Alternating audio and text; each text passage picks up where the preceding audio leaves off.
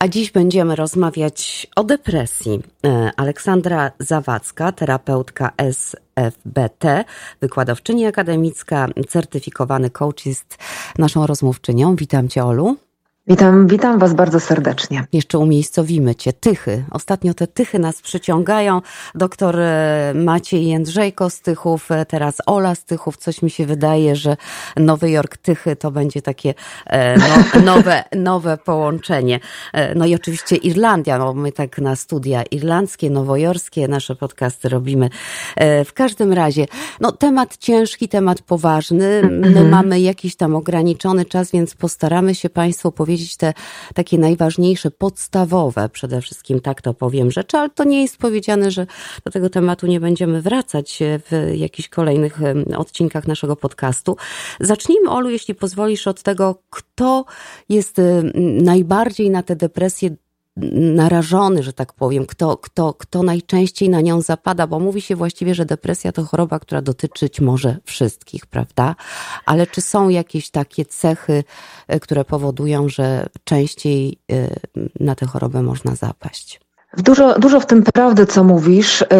Jeżeli chodzi o taką statystykę, to uważa się, że na depresję cierpi około 3% ogólnej populacji, a w ciągu całego życia aż 18% populacji w krajach takich mocno rozwiniętych, czyli tych, o których też mówimy teraz, na depresję, może po prostu zachować aż 18% populacji. Niektóre statystyki też podają i myślę, że tutaj Państwa nie zdziwimy, że na depresję dwa razy częściej y, chorują kobiety. Mm. Natomiast kiedy wczytać się w takie doniesienia też medyczne, analizy i badania, e, opracowania, co może być przyczyną e, depresji, gdzie szukać tej genezy i źródła, to muszę Państwa rozczarować, że nie ma jednej odpowiedzi. Dlatego, że z jednej strony patrzy się na takie mm, przyczyny biologiczne, że to są biologiczne mechanizmy depresji. Mówi się też o tym, że są genetyczne uwarunkowania depresji. Są badania, które pokazują, jaka jest możliwość dziedziczenia y, tej choroby, y, jak wysoko mamy prawdopodobieństwo, kiedy nasz dziadek, tata lub mama chorowali na depresję. Nawiązuje się też do tego, że to jest choroba po prostu rozwoju i cywilizacji, że ten pęd, który nas dopadł, rozwój techniki jest szybszy niż to, jak na tym nadąża nasz mózg. Więc tak naprawdę nie ma jednej przyczyny, którą mm. można by było wskazać. Mm. Olu, y, wobec tego, bo, bo, tak, bo czasami nadużywamy tego słowa, prawda? O Jezus mm. Maria, kolejny dzień bez słońca, ja już mam depresję. Oczywiście to nie jest depresja, -hmm. ale właśnie Jakie objawy, jakie symptomy powinny wzbudzić w nas niepokój i zapalić to czerwone światełko alarmowe? Okej, okay, tu już coś rzeczywiście poważnego się dzieje. Na co zwrócić uwagę? To prawda, że bycie takim przygnębionym lub zniechęconym nie zawsze oznacza, że jesteśmy chorzy na depresję, ale nam się włączyć to y, pomarańczowe światło. Jednak, co może świadczyć i co mówią też mm, y, medyczne mm, wytyczne. Co najmniej dwa spośród podanych objawów, które Państwu teraz przedstawię, w okresie trwającym dwa tygodnie lub dłużej mogą wystąpić. To są e, obniżenie nastroju, utrata zainteresowań i zdolności odczuwania przyjemności, utrata energii, to jest męczliwość, apatia, e, pesymizm takiego myślenia, pesymizm w takim myśleniu o przyszłości, zaburzenia snu, zmniejszenie apetytu, ale też się mówi, że to nie tylko zmniejszenie zmniejszenie apetytu i tutaj z, zmieniły się też te dane, bo może to być nadmierny apetyt, e, obniżenie koncentracji, niska samoocena, poczucie winy, no i to, co jest najgorsze w depresji, czyli e, takie myśli samobójcze. Jeżeli przez dwa tygodnie widzimy obniżenie naszej formy i trwa to, po, trwa to właśnie już dłużej i widzimy różnicę w tym zachowaniu do tego, jak wcześniej było, no powinno się nam E, już to czerwone mhm.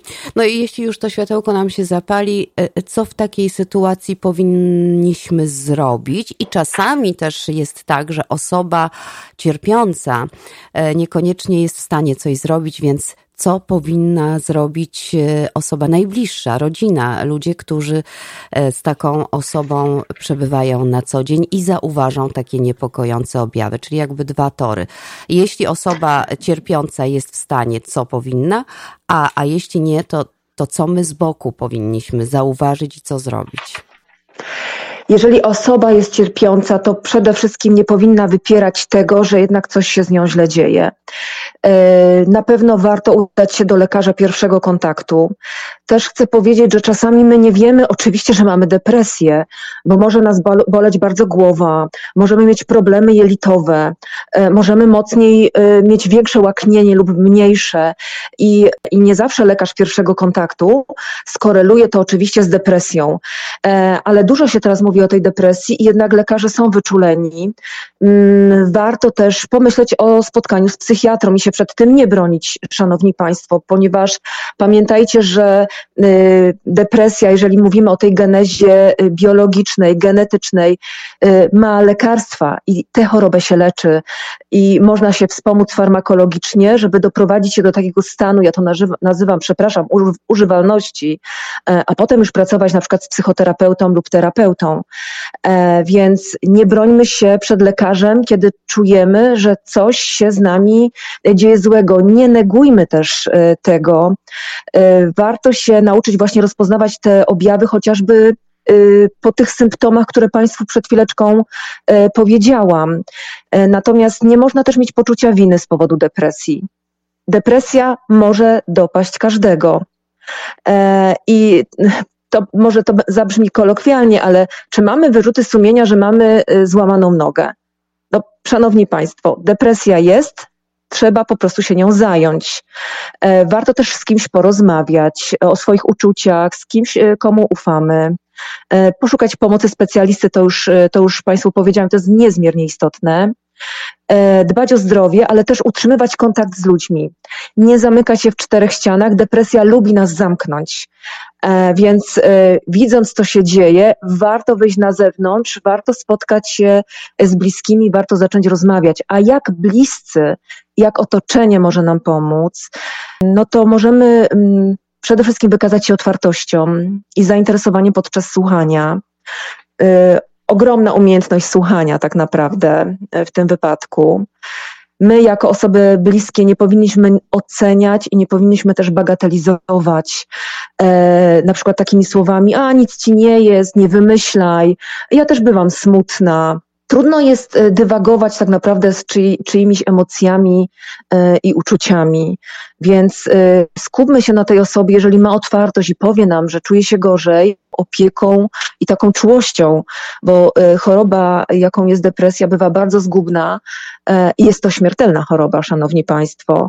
Mm, co możemy jeszcze zrobić? I to wymaga jednak pewnego zobowiązania z naszej strony. Możemy pomóc tej osobie, ułatwiając jej y, takie codzienne życie, chociażby w obowiązkach y, domowych, przy pilnowaniu brania y, leków, wyjściu z tą osobą na spacer. Mm, tutaj jest potrzebna duża cierpliwość. No i ważna taka kwestia dotycząca osób pomagających osobom w depresji, że też warto dbać o samego siebie, bo pomaganie też kosztuje dużo energii. Mm-hmm. No właśnie, ja tutaj wiesz, bym się skupiła na tych y, osobach z otoczenia, bo też przecież jedną z, ze składowych depresji jest to, że my, mm, y, ludzie, którzy zapadają na to schorzenie, zaczynają unikać kontaktu z bliskimi. Oni przy tych spadkach nastroju nie chcą wychodzić do ludzi, a w domu jest mi najlepiej. E, to, to chyba w ogóle taka mm, cecha też jest, wydaje mi się, ludzi y, starszych, depresja u ludzi starszych, o, oddzielny temat na, na oddzielną audycję, na oddzielną rozmowę, ale, tak.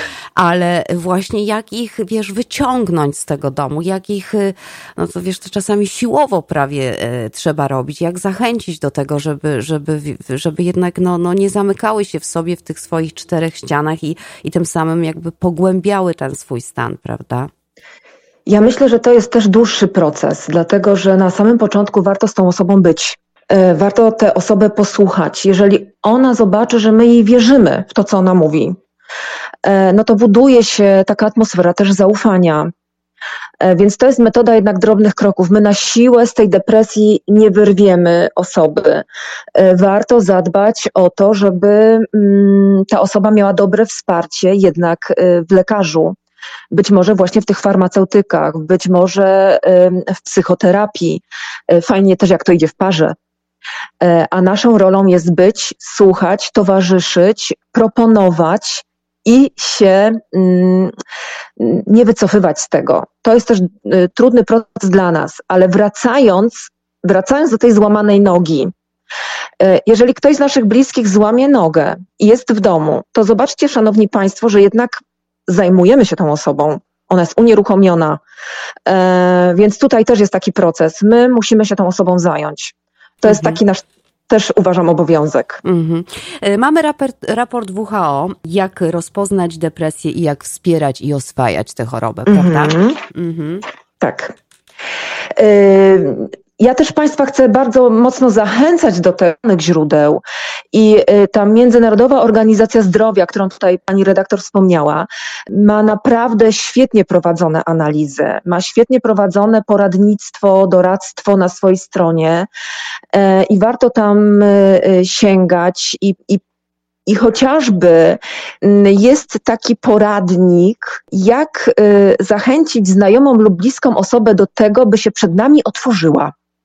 I proszę sobie wyobrazić, że jest podane parę ciekawych zdań, które możemy użyć, budując taką też atmosferę zaufania. Ja może Państwu to przeczytam.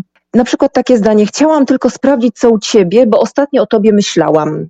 Mhm. Otwiera to, prawda, y, taką chęć dyskusji, y, bo osoba po drugiej stronie czuje się mm, mm, zrozumiana i, i czuje, że ja jestem zainteresowana też, co u tej osoby słychać. Mhm. Mm, takie kolejne zdanie. Mam nadzieję, że wszystko ok.